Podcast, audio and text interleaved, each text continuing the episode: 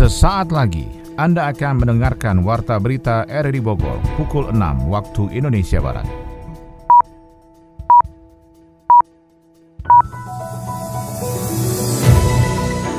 Selamat pagi, salam jumpa. Kami hadir kembali dalam Warta Berita edisi hari ini, Sabtu 25 Juni 2022. Informasi ini juga turut disiarkan melalui audio streaming lewat RRI Play dan juga disiarkan lewat Radio Tegak Beriman Kabupaten Bogor, Jawa Barat dan Anda bisa akses di Spotify RRI Bogor. Sedikitnya 30 rumah warga desa Puraseda diterjang banjir luapan kali Puraseda dan 6 di antaranya mengalami rusak berat. Komisi Perlindungan Anak Indonesia menyoroti minimnya kuota PPDB di tingkat SMP Kota Bogor. POSI Kabupaten Bogor menggelar event kejuaraan Selam Bogor Open 2022 yang diikuti para peserta dari seluruh Indonesia. Saya Maulana Isnarto, inilah Warta Berita selengkapnya.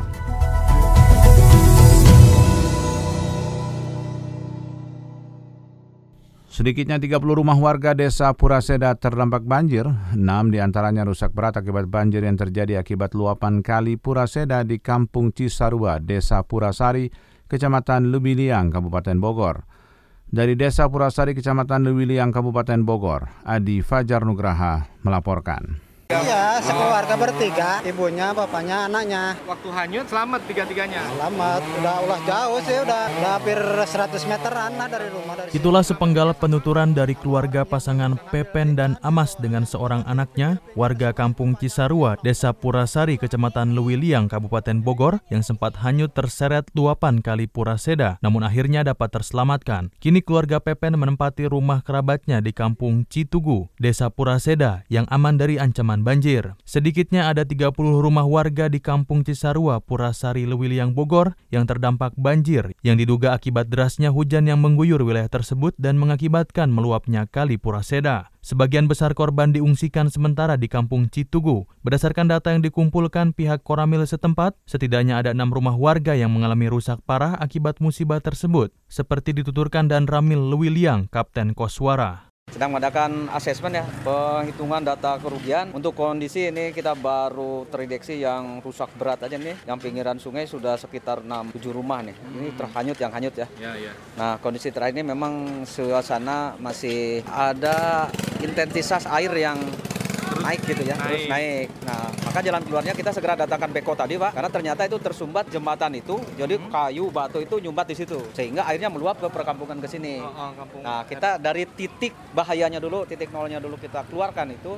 Alhamdulillah sekarang sudah mulai jalan nih air ini. Selain di Desa Purasari, korban lainnya adalah menimpa para petani di Desa Puraseda. Menurut Sekretaris Desa Puraseda Asep Ruhiat, ada 125 petani yang menggarap 20 hektar sawah padi di wilayahnya terdampak banjir bandang luapan kali Puraseda dan hingga kini masih terus dilakukan pendataan. Yang terdampak di lahan pertanian itu kalau kita hitung dari lahan pertanian kurang lebih 20 hektar. 20 hektar lahan pertanian ya sawah.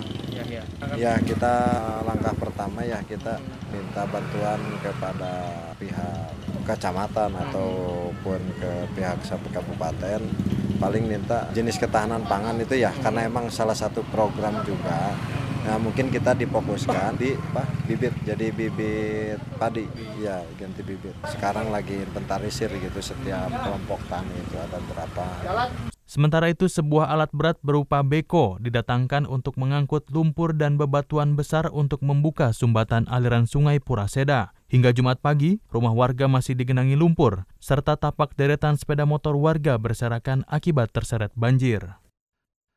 Selain rumah warga beserta harta lainnya, dua bangunan sekolah turut menjadi korban banjir luapan Kali Puraseda. Kita ikuti laporannya bersama Yofri Haryadi. Selain pemukiman dan kandang ternak dan kolam ikan warga yang tersapu banjir bandang di Kampung Cisarua, Desa Purasari, Kecamatan Lewiliang, Kabupaten Bogor, dua unit bangunan sekolah yang berdempetan, yakni SDN 1 Tanjung Sari dan SMK 1 Atap menjadi korban genangan banjir dan lumpur. Beruntung peristiwa terjadi memasuki pergantian tahun ajaran baru dan kenaikan kelas yang minim kegiatan belajar mengajar di sekolah itu. Kepala Sekolah SMK 1 Atap atap sekaligus Kepala Sekolah SDN Tanjung Sari 1 Purasari, Ending Dermawan menceritakan kondisi sesaat sebelum terjadi bencana. Ini SMP 1 atap dan yang sebelahnya itu SD Tanjung Sari 2. Kalau otomatis pas sekolahnya pasti satu. Jadi untuk KBM kan memang sudah selesai Pak ya karena sudah TAT. Jadi kami memang sedang persiapan ke arah kenaikan kelas, pengolahan rapot. Mungkin ada nanti karena memang komite mau mengadakan seremoninya kenaikan kelas ada persiapan. Rencana tanggal 27 Senin ini untuk satap. Karena memang ya seperti ini kami tunda sampai kesiapan masyarakat Sejumlah relawan siaga bencana, guru dan warga pun ikut bergotong royong membersihkan material lumpur yang terbawa genangan air kali Pura Bakti serta tumpukan sampah plastik yang menggenangi ruang kelas sekolah itu. Untuk sementara, bangunan sekolah di tengah perkampungan padat penduduk tersebut dijadikan posko penempatan bantuan kepada korban bencana alam. Kepala Desa Purasari, Kecamatan Luwiliang, Agus Soleh Lukman mencatat ada 500 warga dengan 125 kepala keluarga terdampak banjir yang membutuhkan penanganan lanjutan. Kalau lokasi terparah itu ada di titik wilayah RW 6, hmm. tadi ada 3 RT yang paling terparah, terus dampak ke wilayah RW 05 juga. Sejauh ini kita masih dalam tahap pendataan kalau terkait masalah kerugian. Memang di sana kan mayoritas memang petani peternak ya, peternak perikanan gitu ya. Kalau kejadian bencana alam atau banjir bandang baru sekarang kejadian separah ini ya. Sebelum-sebelumnya paling banjir-banjir biasa saja. Estimasi ataupun kendala gitu ya. Karena memang di sini kan di samping memang rawan longsor ya. Terus di hulu di hulunya juga memang ada pegunungan yang memang ya di atas yang memang isinya lumpur gitu ya. Kebetulan ditambah dengan curah hujan yang intensitasnya cukup tinggi cukup deras gitu. Dari hulu sampai hilir ini yang menyebabkan banjir tersebut. Sementara kemarin yang terdata 125 kakak 500 jiwa lebih Perbaikan saluran drainase dan saluran irigasi menjadi atensi untuk diperbaiki, sehingga saat terjadi luapan air yang besar tidak tumpah ke tengah pemukiman warga. Lokasi yang dikelilingi bukit di kaki Gunung Salak itu pun ternyata kerap terjadi banjir, namun tidak sebesar saat ini. Lalu bagaimana tanggapan serta harapan dari para korban banjir luapan kali Puraseda di Kampung Cisarua, Desa Purasari, Kecamatan Lewiliang, Kabupaten Bogor tersebut? Kita ikuti liputan berikut ini. Dari mulai ingat saya gitu, baru sekarang paniknya, baru saya juga panik sekarang mah. Ya sawah dua di sini satu di sana satu. Itu kena banjir semua. Ya kena banjir semua. Nggak bisa panen. Nggak bisa panen. Harapannya pengen jadi sawah lah kayak gitu aja gitu. Seperti semula. Semula lagi. Seperti semula, semula ya. lagi gitu. Bantuannya gitu padi aja. Ya. Sekarang giliran padi sekarang. Habis padi baru timun. Timun. Iya.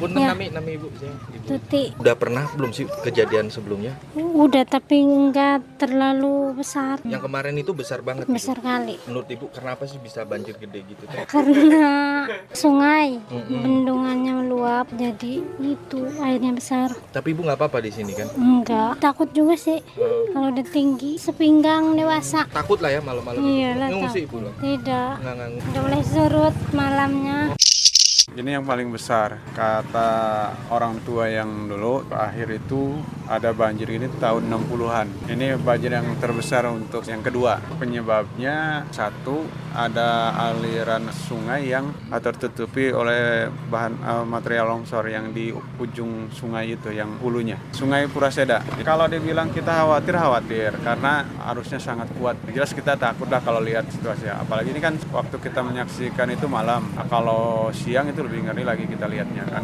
Bahkan waktu itu ada yang hanyut lima orang informasinya. Alhamdulillah eh, semuanya selamat dan salah satunya alhamdulillah saya selamatkan anak itu. Banyak sekarang sudah hampir eh, diinstruksikan oleh lurah, jadi kena takut lurah juga kan. Nah, akhirnya diungsikan semua. Dan untuk mengetahui lebih jauh penanganan banjir yang terjadi di Desa Purasari, Kecamatan Lebiliang, Kabupaten Bogor, berikut kami hadirkan wawancara Adi Fajanugraha bersama Kabit Kedaruratan BPBD Kabupaten Bogor, Aris Nurjatmiko. Pak Aris, sejauh ini apa yang difokuskan dalam penanganan banjir bandang di Wiliang? Untuk fokus hari ini yang kita laksanakan di Desa Purasari ya, Wiliang ini pembersihan area bekas banjir bandang kemarin ya. Jadi memang rumah warga ini kan banyak tergenang lumpur. Jadi tim BBBD bersama unsur instansi lainnya dibantu relawan dan masyarakat kita bersih-bersih area bekas banjir. Kalau kebutuhan warga saat ini apa Pak Aris? Kebetulan Kebetulan saya semalam sampai sekitar jam 11 itu di lokasi. Memang sih untuk kebutuhan warga sudah banyak bantuan yang mengalir dan sudah diterima oleh pihak desa seperti sandang pangan kemudian selimut, sembako juga sudah ada. Jadi dari bantuan yang ada itu tercukupi ya. Maksudnya sudah ada gitu. Sejauh ini data dari BPBD sendiri Pak Aris ada berapa banyak warga yang terdampak, Pak Aris? Untuk yang, yang... di Luiliang ya. Untuk Luiliang itu memang ada 98 unit rumah rusak ringan ya di dalam kaji cepat kami. Kemudian 23 unit rumah rusak sedang dan ada 10 yang memang mengalami rusak berat ya. Kemudian satu unit ponpes yang terdampak ya. Untuk masa tanggap darurat sendiri Pak Aris akan diberlakukan sampai berapa hari Pak Aris? Ya mungkin tanggap darurat akan kita berlakukan 14 hari ke depan ya. Hmm. Karena memang yang menjadi dasar landasan hukum bagi teman-teman instansi lain untuk melakukan penanganan. Pak Aris, ini kan kita juga menghadapi memang wilayah Bogor punya potensi besar terhadap bencana hidrometeorologi Pak Aris. Di ya. dalam masa tanggap darurat ini upaya pencegahan sekaligus memang sedang dilakukan penanganan agar tidak diperparah dengan kondisi-kondisi seperti tadi seperti apa Pak Aris yang dilakukan BBBD? Jadi BBBD Kabupaten Bogor ya, memang langkah-langkah yang selama ini kita sudah tempuh itu memang dengan mendirikan destana ya, artinya desa tangguh bencana. Nah ini yang memang kita latih. Yang pertama untuk meminimalisir korban ya. Jadi bila kejadian bencana datang artinya kita sedikit mungkin tidak ada korban jiwa. Ini yang kita lakukan. Kemudian juga melakukan sosialisasi kepada masyarakat melalui pihak kecamatan kecamatan dan pihak desa hmm. untuk senantiasa waspada gitu. Dan Terima kasih banyak Allah akan kami informasikan. Hei Alia, hati-hati, jangan terlalu ke tengah. Sudah sini sini sini. Kita lihat lautnya dari sini aja. Oke deh. Subhanallah. Allah Maha Besar. Sungguh indah ya pemandangan di sini. Rasanya kita begitu kecil saat memandang laut lepas yang tiada berujung ini. Itulah kekayaan negeri kita. Ini baru di wilayah Jawa Barat loh. Sementara wilayah Indonesia itu kan beribu-ribu pulau. Belum lagi kalau kita lihat kekayaan dalam lautan. Ikan-ikannya, terumbu karangnya, hewan dan tumbuhan yang sangat indah dan banyak manfaatnya. Iya ya, sungguh besar anugerah Tuhan untuk bumi kita tercinta. Nusantara Indonesia.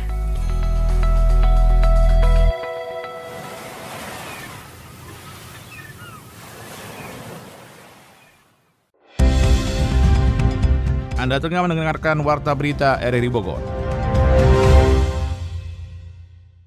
Kita beralih ke informasi lainnya, Komisi Perlindungan Anak Indonesia KPAI Kota Bogor menyoroti minimnya kuota PPDB di tingkat SMP. Laporan ini akan disampaikan Sony Agung Saputra. Masa pendaftaran peserta didik baru PPDB di Kota Bogor mendapat sorotan dari Komisi Perlindungan Anak Indonesia KPAI. Saat ini masa PPDB memasuki proses yang berlangsung pada tingkat SD dan SMP untuk Dinas Pendidikan Kota Bogor. KPAI setempat sudah melakukan rapat kerja terkait pelaksanaan PPDB dengan adanya masukan seperti minimnya kuota masuk ke SMP. Ketua KPAI Kota Bogor Dudi Syahrudin mengungkapkan saat ini lulusan SD mencapai 20 ribu orang namun yang diterima di SMP negeri hanya sekitar 5.600 orang.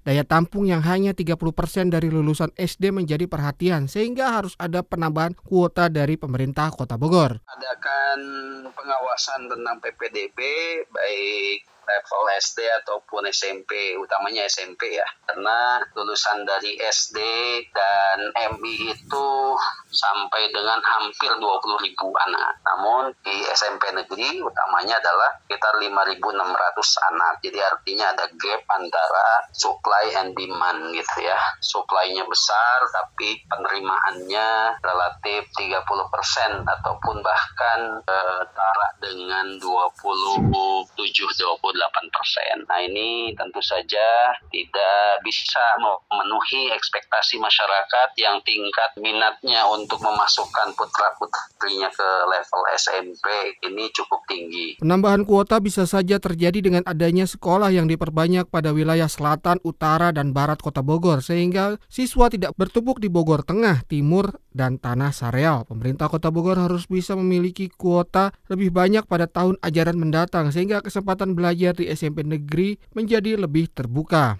lewat zonasi.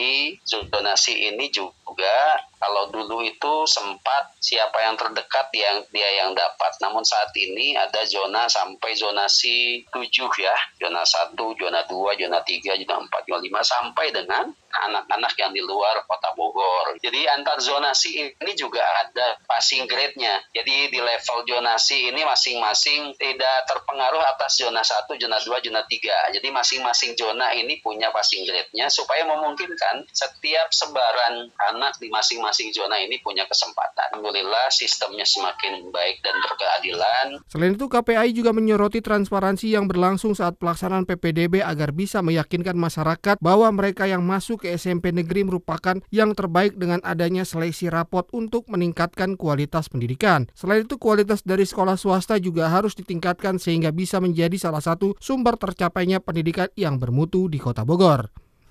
DPRD Kota Bogor berupaya mencegah dampak buruk dari pinjaman online atau pinjol yang banyak menjerat masyarakat. Kembali, Sony Agung Saputra akan melaporkan.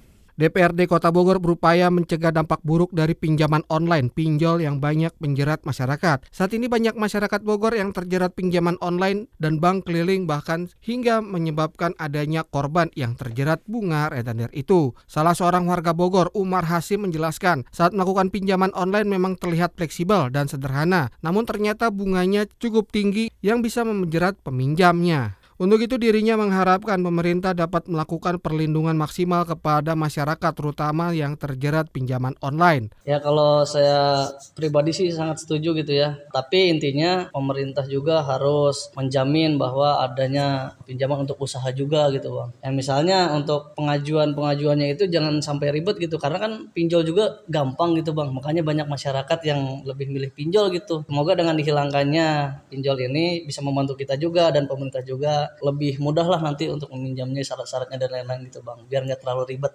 Warga Bogor lainnya, Agus Nugraha, juga mengaku pernah melakukan pinjaman online di salah satu aplikasi, namun saat ini tidak berniat untuk melakukan pinjaman kembali. Karena merasa adanya keganjilan saat proses penagihan seperti debt collector yang selalu melakukan penagihan dengan kasar. Untuk itu, dengan adanya perlindungan maksimal dari pemerintah Kota Bogor, maka bisa membuat masyarakat lebih aman dan nyaman saat bertransaksi, terutama peminjam untuk kebutuhan usaha karena banyak membutuhkan modal yang cepat dan fleksibel. Gue sendiri pernah dan di situ emang gampang sih pencairannya dan syarat-syaratnya nggak ada yang harus nunggu lama juga. Pernah nggak kelibet debt collector kayak gitu-gitu? Gue sendiri enggak sih, alhamdulillah pembayarannya cair. Ini seperti apa harapannya kepada pemerintah? Harapan gue sendiri sih, ya kalau misalnya mau peniadaan pinjol ini, ya adalah satu forum misalnya kayak forum lagi apa kooperasi seperti itu lebih mudah lagi untuk mempercairkan dananya. Karena masyarakat kan nggak ada yang tahu. Gitu. Kenapa harus kooperasi? Karena menurut gue sendiri di kooperasi juga bisa dialurkan dana-dana seperti kayak gitu bang. Yang penting masyarakat bisa paham alurnya, bagaimana cara peminjaman ke operasi bang.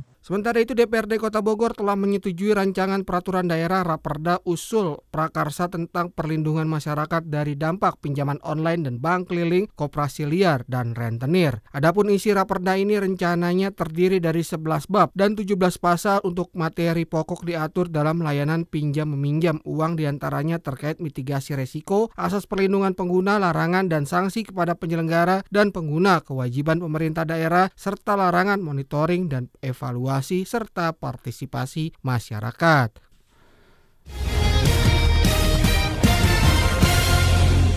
Dari dunia olahraga, Posi Kabupaten Bogor sukses menggelar event kejuaraan Selam Bogor Open 2022 dengan para peserta yang berasal dari berbagai wilayah di Indonesia. Indonesia akan menjadi tuan rumah kejuaraan bola basket FIBA Asia Cup 2022.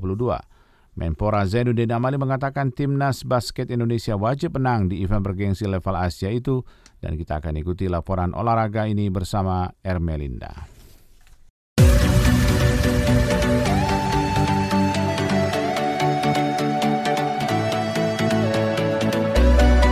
Indonesia akan menjadi tuan rumah kejuaraan bola basket FIBA Asia Cup 2022.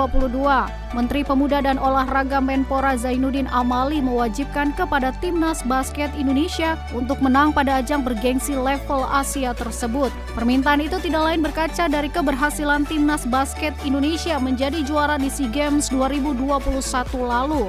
Oleh sebab itu, skuad basket Garuda diyakini berpotensi untuk kembali mendulang rekor di FIBA Asia Cup 2022. Timnas basket Indonesia semakin dipercaya berpeluang juara di FIBA Asia Cup 2022 setelah melihat hasil uji coba di Australia. Tim asuhan Milos Pejic tersebut sukses mendulang 5 kemenangan dan 3 kekalahan dari 8 laga yang dilakoni. Seperti yang diketahui, FIBA Asia Cup 2022 nantinya akan dimulai pada tanggal 12 hingga 14 Juli mendatang. Ini merupakan kali kedua Indonesia mengemban jabatan sebagai tuan rumah setelah 1993 silam. Adapun perolehan terbaik timnas basket Indonesia di FIBA Asia Cup hanya di posisi keempat pada edisi 1967.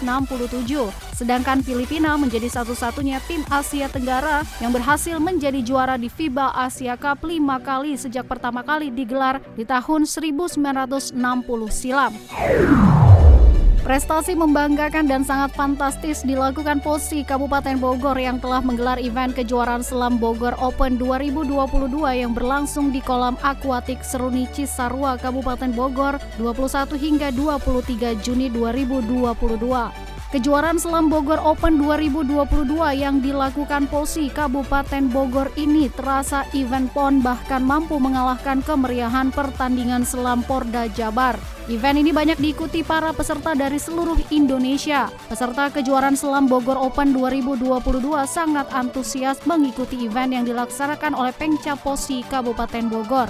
Hal tersebut terbukti dengan banyaknya peserta yang mengambil bagian pada event yang dibuka langsung oleh Kadispora Kabupaten Bogor, Asnan AP, serta dihadiri oleh Ketua Umum KONI Kabupaten Bogor, Junaidi Samsudin, dan Kadis Pariwisata Kabupaten Bogor, Denny Humaidi. Event selam skala nasional ini baru pertama kali dilaksanakan di Kabupaten Bogor. Namun antusias peserta yang mendaftar mencapai 335 atlet dari klub maupun pengcap posi yang ada di tanah air. Itu artinya penyelenggaraan kejuaraan tersebut disambut baik oleh klub ataupun pengcap. Ketua Panitia Kejuaraan Selam Bogor Open 2022 Lilik Suhartini mengatakan semua peserta merespon positif kejuaraan selam yang digelar Kabupaten Bogor tahun 2022 ini dan ia bangga bisa mengangkat event sebesar ini. Bandung dan lintasan 8 Ayesa Surya Fazira Aqualux DC melihat hasil sejauh mana anak-anak bisa dengan adanya Bogor Open ini dia bisa mengukur saya sampai di mana gitu kan? Dan berarti saya harus berbuat apa? Nah di situ. Jadi dengan adanya hasil ini nanti mereka akan lebih meningkatkan lagi latihan latihannya prestasinya semangatnya itu harus yang kedua karena memang untuk Bogor kan ini juga anak-anaknya anak-anaknya kan nantinya uh, akan turun di ada yang akan turun di Porprov. Nah di situ kita bisa lihat kita ukur siapa-siapa yang siap untuk turun di Porprov. Lilik menceritakan bahwa pelaksanaan kejuaraan tersebut tidak berdasarkan program, tapi berdasarkan masukan-masukan dari klub atau pengcap. Sehingga dengan dasar itulah muncul keberanian Posi Kabupaten Bogor menggelar event selam skala nasional. Sementara itu Posi Kota Bogor menurunkan 10 atlet terbaiknya di event Bogor Open 2022. Hadid Suherman Ketua Posi Kota Bogor mengatakan keikutsertaan timnya sebagai salah satu upaya try-in dan juga try-out dan melihat kemampuan atlet sebelum gelaran Porprov Jabar 2022 mendatang. Kota Bogor yang real untuk persiapan Porprov itu ada 10 orang.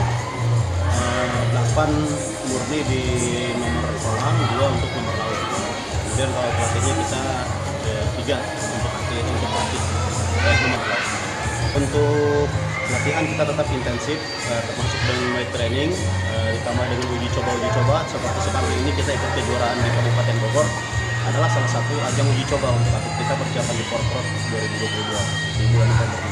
Kalau target yang diberikan Tony itu dua emas, mudah-mudahan kita bisa mencapainya itu entah itu nanti di nomor kolam ataupun nomor tapi proyeksi-proyeksi untuk uh, ke arah situ sudah kita coba petakan sehingga harapannya apa yang menjadi target dari Kori bisa tercapai. Kejuaraan kali ini diikuti 335 atlet dari 45 klub dan pengcaposi di tanah air. Bahkan nomor yang dipertandingkan sebanyak 128 nomor perorangan maupun estafet dan total nomor yang diikuti oleh seluruh peserta sebanyak 1357 nomor.